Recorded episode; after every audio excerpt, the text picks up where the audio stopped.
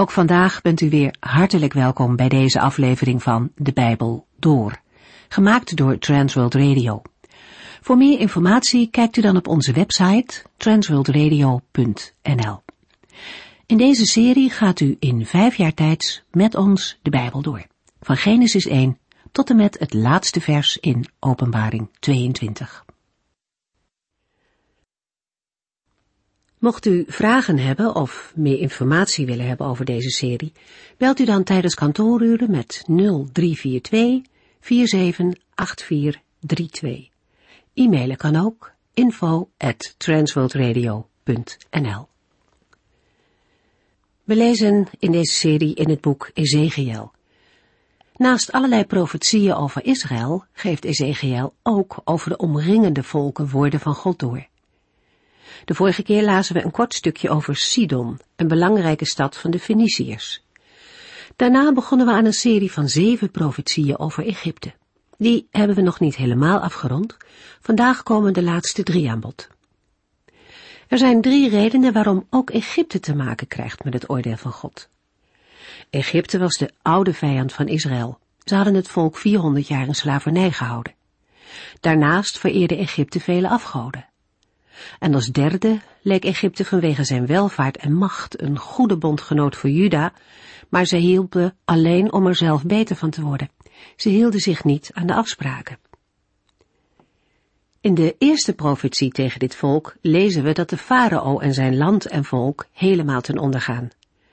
Nebukadnessar mag als vergoeding voor het straffen van het trotse Tyrus Egypte helemaal leegplunderen. En dat lezen we in de volgende profetie. In het derde deel zien we dat Nebukadnessar niet zomaar doet wat hij zelf wil, maar dat hij Gods vonnis over Egypte uitvoert. En in de vierde profetie hebben we gezien dat Nebukadnessar de farao de nekslag zal geven. Wij vervolgen dit onderwerp vanaf Ezekiel hoofdstuk 31. In deze uitzending gaan we verder met de profetieën over Egypte. We lezen de laatste drie profetieën van de zeven waarmee we begonnen in Ezekiel 29. In Ezekiel 31 lezen we dat Egypte zal delen in het lot van Assyrië. In Ezekiel 32, vers 1 tot en met 16 vinden we een klaaglied over de farao. En Ezekiel 32, vers 17 tot en met 32 een klaaglied over het Egyptische volk. Ezekiel 31, vers 1 tot en met 3. Op de eerste dag van de derde maand, in het elfde jaar van koning Joachins gevangenschap, ontving ik deze boodschap van de Heere. Mensenzoon, zeg tegen de farao, de koning van Egypte, en tegen al zijn onderdanen, vergelijk uzelf met het oude Assyrië, een groot en machtig volk dat leek op een ceder van de Libanon vol met dikke mooie takken die dienden als schaduw voor het woud, met zijn top hoog in de wolken. Opvallend bij de profetieën blijft de precieze datering. In vers 1 gaat het om de maand juni in het jaar 587 voor Christus, ongeveer vijf weken voor de val van Jeruzalem. De profetie is bedoeld voor heel de bevolking van Egypte. Zij worden samen met hun farao vergeleken met Assur, en wel met de grote ceder van de Libanon. Een hoge boom met dikke takken en met de top hoog in de wolken. Het voorbeeld van Assyrië wordt aan Egypte voorgehouden. Op het toppunt van zijn roem was Assur veel machtiger dan Egypte. Maar let op wat er met Assur is gebeurd. De hoge boom met dikke takken staat symbool voor majesteit en macht de top hoog in de wolken ook, maar getuigt verder van een hemeltartende hoogmoed. Egypte lijkt net als Assur op die majestueuze ceder van de Libanon. Ezekiel 31, vers 4 tot en met 10a. Zijn wortels groeiden diep in de vruchtbare aarde. Hij groeide hard door de overvloed aan grondwater, waarvan ook de bomen rondom hem hun deel kregen. Hij toornde hoog boven de andere bomen uit. Dankzij al het water, dat zijn wortels en takken konden opzuigen, groeide hij snel. De vogels nestelden tussen zijn takken, en in zijn schaduw brachten de wilde dieren hun jongen ter wereld. Alle machtige volken van de aarde leefden in zijn schaduw. Hij was sterk en mooi en had prachtige volle takken, omdat zijn wortels diep in de grond een overvloed aan water opzogen.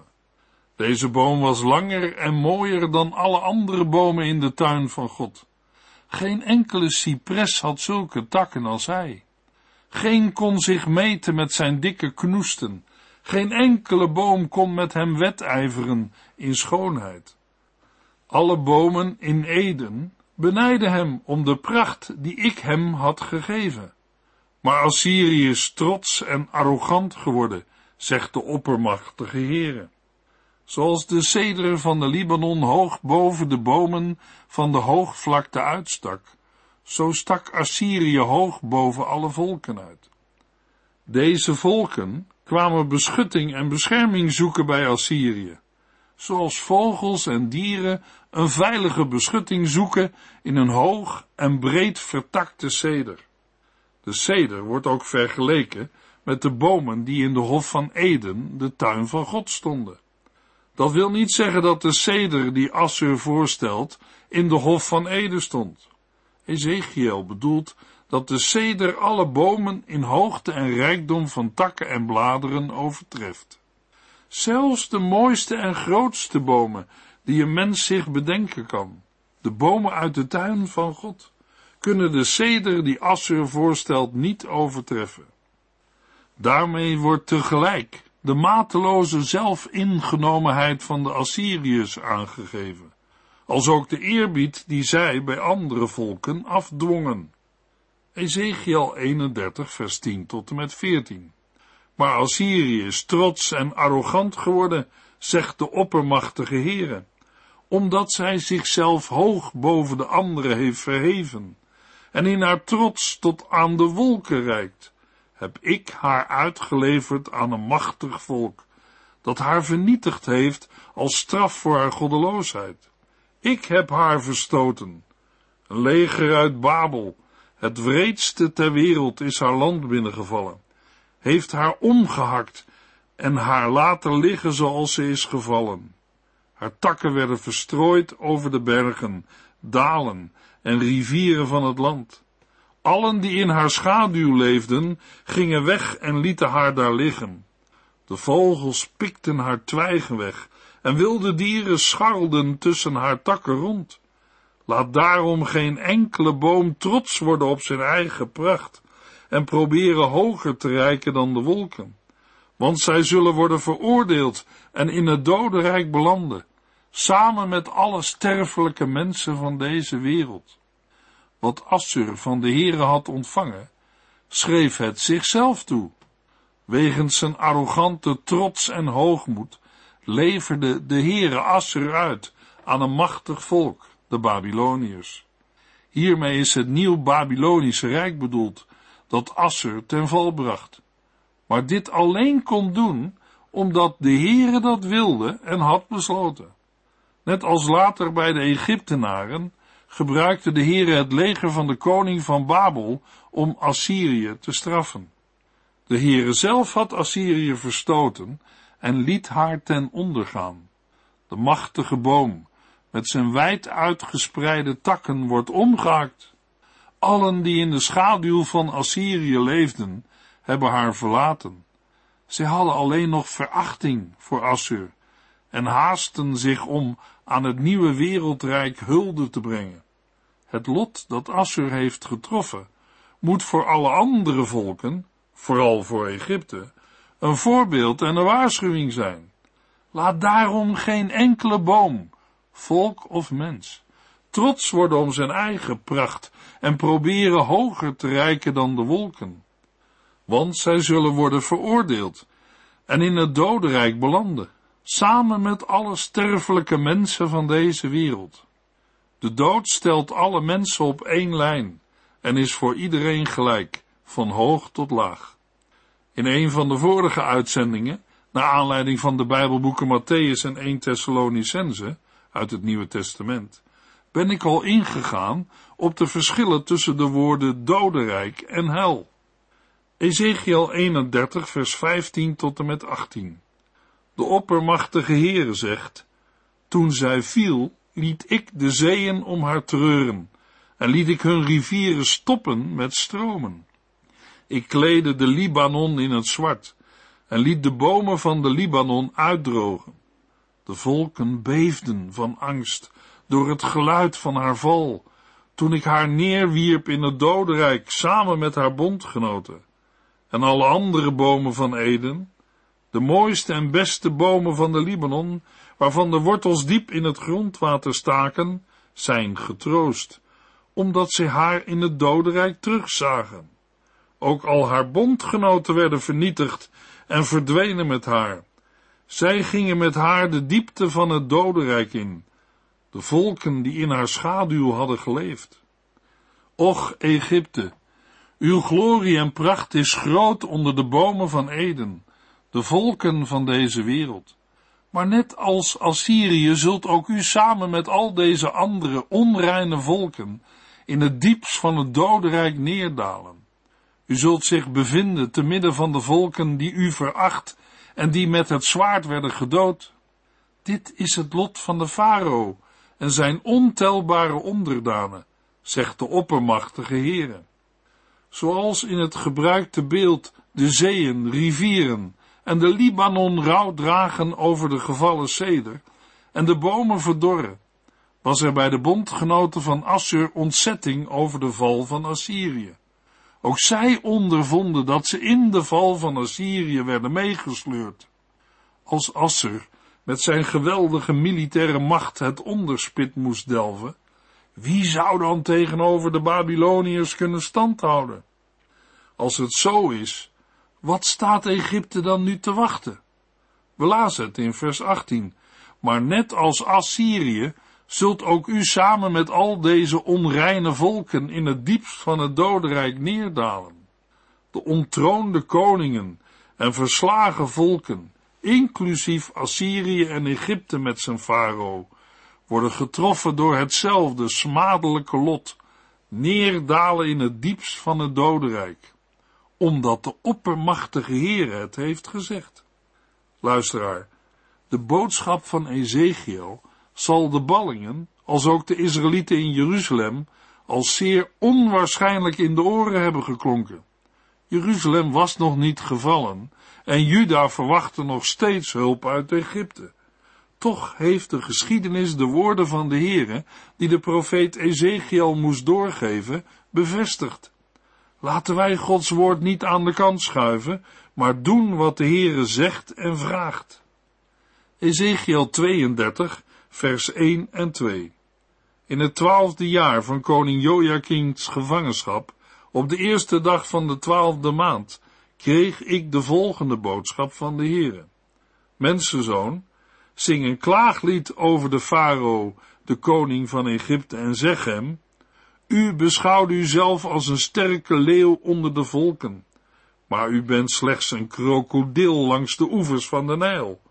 U laat het water uit uw neusgaten spuiten. Met uw poten bevuilt u het water. Al zijn stromen maakt u modderig en troebel. Toen Ezekiel deze zesde profetie over Egypte uitsprak, was Jeruzalem al gevallen, maar Egypte en de farao nog niet. Maar op Gods bevel moest Ezekiel net doen alsof de farao al overleden was. Hij moest een klaaglied over de farao, de koning van Egypte, zingen. Daarmee geeft de Heer aan dat het oordeel over farao en zijn volk zo vast besloten is, dat er over hen als verslagenen of gesneuvelden getreurd moet worden. De farao zag zichzelf als een sterke leeuw, maar hij was niet meer dan een krokodil. Als een monster dat het water in beroering brengt en troebel maakt. Zo bracht Egypte de volken in onrust door politieke intriges. Ezekiel 32 vers 3 tot en met 10. De oppermachtige Heere zegt, ik zal een grote menigte sturen om u in mijn net te vangen. Ik zal u uit het water trekken en op het droge achterlaten, om daar te sterven en alle vogels van de hemel zullen op u neerstrijken, en de wilde dieren van de hele aarde zullen u verscheuren, tot zij tevreden en verzadigd zijn. Ik zal de heuvels met uw vlees bedekken, en de dalen met uw botten vullen. Ik zal de aarde doordrenken met uw bloed, de ravijnen zal ik ermee vullen, tot aan de bergtoppen toe. Wanneer ik u zal wegvagen, zal de hemel worden toegedekt, en ik zal sterren verduisteren. Ik zal de zon met een wolk bedekken en de maan zal u haar licht niet geven. Ja, overal in uw land laat ik het donker worden. Zelfs de heldere sterren boven u zullen niet langer stralen. En wanneer ik u zal vernietigen, zullen vele harten in ver afgelegen landen, die u nooit hebt gezien, geschokt worden. Ja, er zal in vele landen angst heersen en hun koningen zullen de haren te bergen reizen als ze zien wat ik u aandoe. Zij zullen beven van angst als ik mijn zwaard voor hen heen en weer zwaai. Ieder van hen zal vrezen voor zijn leven op de dag van uw val. Met een grote menigte zijn de Babyloniërs en hun bondgenoten bedoeld. Zij zijn voor Egypte het net waarmee de Heere de farao en Egypte vangt. Met alle vogels van de hemel en de wilde dieren van de hele aarde zijn de overige volken bedoeld, die als aasgieren en hyena's op het stervende lichaam neerstrijken, en het zullen verscheuren tot zij tevreden en verzadigd zijn. Op de bergen en in de dalen, overal zullen gesneuvelde mensen liggen. De woorden en beelden die volgen geven het verschrikkelijke en de grootte van de slachting aan. Alles wordt verontreinigd, omdat niemand wordt begraven en de lijken in de ravijnen en op de bergen blijven liggen. In vers 7 en 8 wordt Farao, en in hem Egypte, voorgesteld als een aan de hemel stralende ster. Maar de ster wordt uitgedoofd en straalt niet meer. Als begeleidend verschijnsel worden de zon en de maan ook verduisterd. De beelden die gebruikt worden in het oordeel over de farao in Egypte doen denken aan het laatste en grote wereldgericht. Zo is het gericht dat over Egypte komt ook een heenwijzing naar de grote dag van de Here. In vers 9 blijkt dat als de volken de ondergang zien van het machtige Egypte, zij geschokt en angstig zullen worden. Zij zullen beven van angst voor de macht van Babel, en hun koningen zullen de haren te bergen reizen, als de Heere zijn zwaard voor hen heen en weer zwaait. Tot ver in de wereld zal er onrust zijn. Ezekiel 32, vers 11 tot en met 16. Want de oppermachtige Heere zegt, het zwaard van de koning van Babel zal u treffen. Ik zal u vernietigen met behulp van zijn machtige leger, het wreedste ter wereld. Het zal de heersende klasse van Egypte uitroeien, allen zullen sterven. Ik zal al uw vee dat langs de rivieren en beken graast, vernietigen, en geen mens of dier zal zich nog in die wateren begeven. Daardoor zullen de Egyptische wateren helder en glad als olijfolie stromen, zegt de oppermachtige Heere. En wanneer ik Egypte tot een woestijn maak en al haar bezittingen wegvaag, zal zij weten dat ik, de Heere, dat heb gedaan. Dit is een klaaglied dat treurend moet worden gezongen om de tegenslagen van Egypte. Alle volken zullen om haar en haar volk rouwen, zegt de Heere. In de verse 11 tot en met 15 volgt een verklaring en een bevestiging van alles wat tot dusver in beeldspraak is gezegd. Er is straks geen heersende klasse meer. Er zal in het verwoeste land geen vee meer weiden langs de rivier. Helder en doorzichtig, zonder rimpels en zo glad als een beek van olijfolie zal het water zijn, omdat er in het verlaten land geen mensen en dieren meer zullen zijn om het troebel te maken. Omdat Egypte vruchtbaar werd door het slip dat het troebele Nijlwater aanvoerde, betekent een heldere Nijl, waarvan het water traag als olie vloeit, voor Egypte onvruchtbaarheid en verdorring. Ook nu is het doel van het oordeel van de Heere dat hij erkend zal worden in zijn majesteit En Egypte zal weten dat de Heere God is en hij dit alles heeft gedaan. Ezekiel 32 vers 17 tot en met 21 Twee weken later kreeg ik opnieuw een boodschap van de Heere. Hij zei, mensenzoon, huil om het volk van Egypte. Stuur haar samen met de andere machtige volken weg naar het dodenrijk, naar de mensen die daar al zijn. Denkt u soms een bevoorrechte positie te hebben, Egypte? Nee, u zult worden verbannen naar het diepst van het dodenrijk, waar u terecht zult komen tussen onreine mensen. Met duizenden tegelijk zullen de Egyptenaren door het zwaard sterven, want het zwaard is tegen het land Egypte gericht. Het land zal worden weggesleept naar zijn veroordeling. De machtige strijders in het dodenrijk zullen Egypte verwelkomen, wanneer zij met al haar vrienden arriveert, om daar te liggen naast de onreine volken, die zij verachten en die eveneens slachtoffer van het zwaard zijn geworden. De profeet moet huilen om de inwoners van Egypte. Zij worden samen met andere machtige volken verbannen naar het diepst van het dodenrijk. De farao en zijn volk zijn niet meer of beter dan de andere machtige volken die vroeger al zijn ondergegaan. Egypte heeft geen bevoorrechte positie. Ook de Egyptenaren komen terecht tussen onreine mensen die een gewelddadige en barbaarse dood gestorven zijn. Allen worden weggesleept naar hun veroordeling. Ook de farao zal in het dodenrijk andere heersers ontmoeten. Ezekiel 32, vers 22 tot en met 32. Assyrië ligt daar met haar leger, omringd door de graven van haar onderdanen die door het zwaard sneuvelden. Hun graven liggen in de diepten van het dodenrijk te midden van hun bondgenoten. Al deze machtige mannen, die eens angst zaaiden in ieders hart, liggen daar nu, gedood door het zwaard. Ook Elam ligt daar met zijn onderdanen. Tijdens hun leven boezemden zij de volken angst in, maar nu liggen zij daar, onrein in het dodenrijk. Hun schandelijk lot is gelijk aan dat van de gewone mensen. Ze hebben een rustplaats tussen de gevallenen, omringd door de graven van al hun onderdanen. Ja, zij onderdrukten de volken tijdens hun leven, maar nu liggen zij onrein in het diepst van het dodenrijk, gedood door het zwaard. De heersers van Mesech en Tubal zijn daar ook, omringd door de graven van al hun legers, afgodendienaars, die eens angst zaaiden in de harten van alle mensen. Nu liggen ze daar, dood ze zijn begraven in een gewoon graf en werden niet als gesneuvelde helden met veel eerbewijzen ter aarde besteld. De helden hebben hun wapens naast zich en worden bedekt door hun schilden.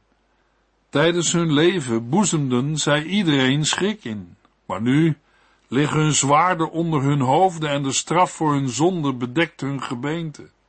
Ook u, Farao, zult daar gewond en levenloos tussen de onreinen liggen, tussen hen die met het zwaard werden gedood. Ook Edom is daar met haar koningen en heersers. Hoe machtig zij eens ook waren, nu liggen zij daar te midden van de andere slachtoffers van het zwaard. Samen met de onreinen, die naar het diepst van het doodrijk moesten afdalen. Alle heersers van het noorden zijn daar en alle Sidoniërs allemaal gesneuveld. Eens angstaanjagend liggen ze daar nu in hun schande. Vernederd en beschaamd liggen ze daar met alle andere gevallenen die in het diepst van het dodenrijk zijn terechtgekomen. Wanneer de farao daar terechtkomt, zal het een troost voor hem zijn te merken dat hij niet de enige is wiens hele leger sneuvelden zegt de oppermachtige Heere. Want ik heb hem vroeger gebruikt om alle levenden angst aan te jagen. Maar dan zullen de farao en zijn leger liggen tussen de onreinen die door het zwaard sneuvelden. Over een aantal van de genoemde volken hebben we in vorige uitzendingen al gesproken. Ik beperk mij hier tot de volken waar nog niets over is gezegd. Elam was een volk van trotse strijders uit het gebied ten oosten van Assyrië. Het werd overwonnen door Nebukadnessar, maar herstelde zich uiteindelijk weer en ging deel uitmaken van Perzië. Mesech en Tubal waren gebieden in een streek wat nu Oost- en Midden-Turkije is. In Ezekiel 38 en 39 worden zij omschreven als bondgenoten van Gog, de koning die aan het hoofd stond van een bondgenootschap.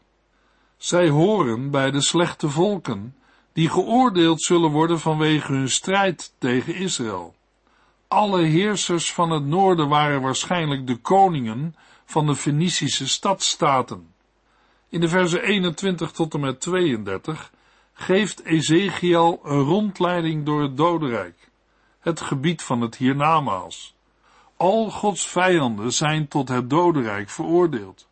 Hoewel Babel niet wordt genoemd, zullen Ezekiels hoorders en lezers geconcludeerd hebben dat als de genoemde volken geoordeeld worden voor hun opstand tegen de Here, ook Babel geoordeeld wordt.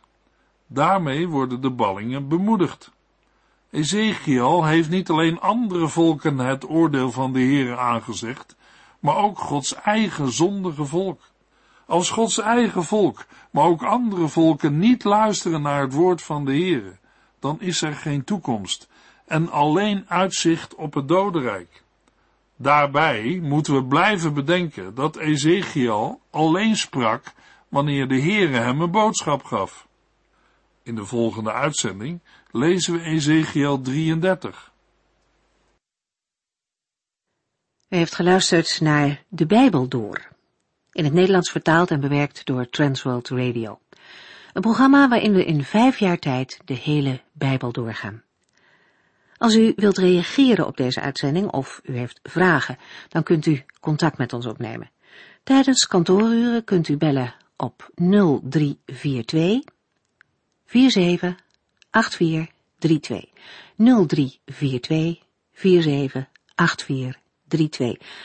Ook kunt u een e-mail sturen naar de Bijbel transworldradio.nl en natuurlijk kunt u ook via de post ons bereiken. TWR, postbus 371, postcode 3770, AJ in Barneveld.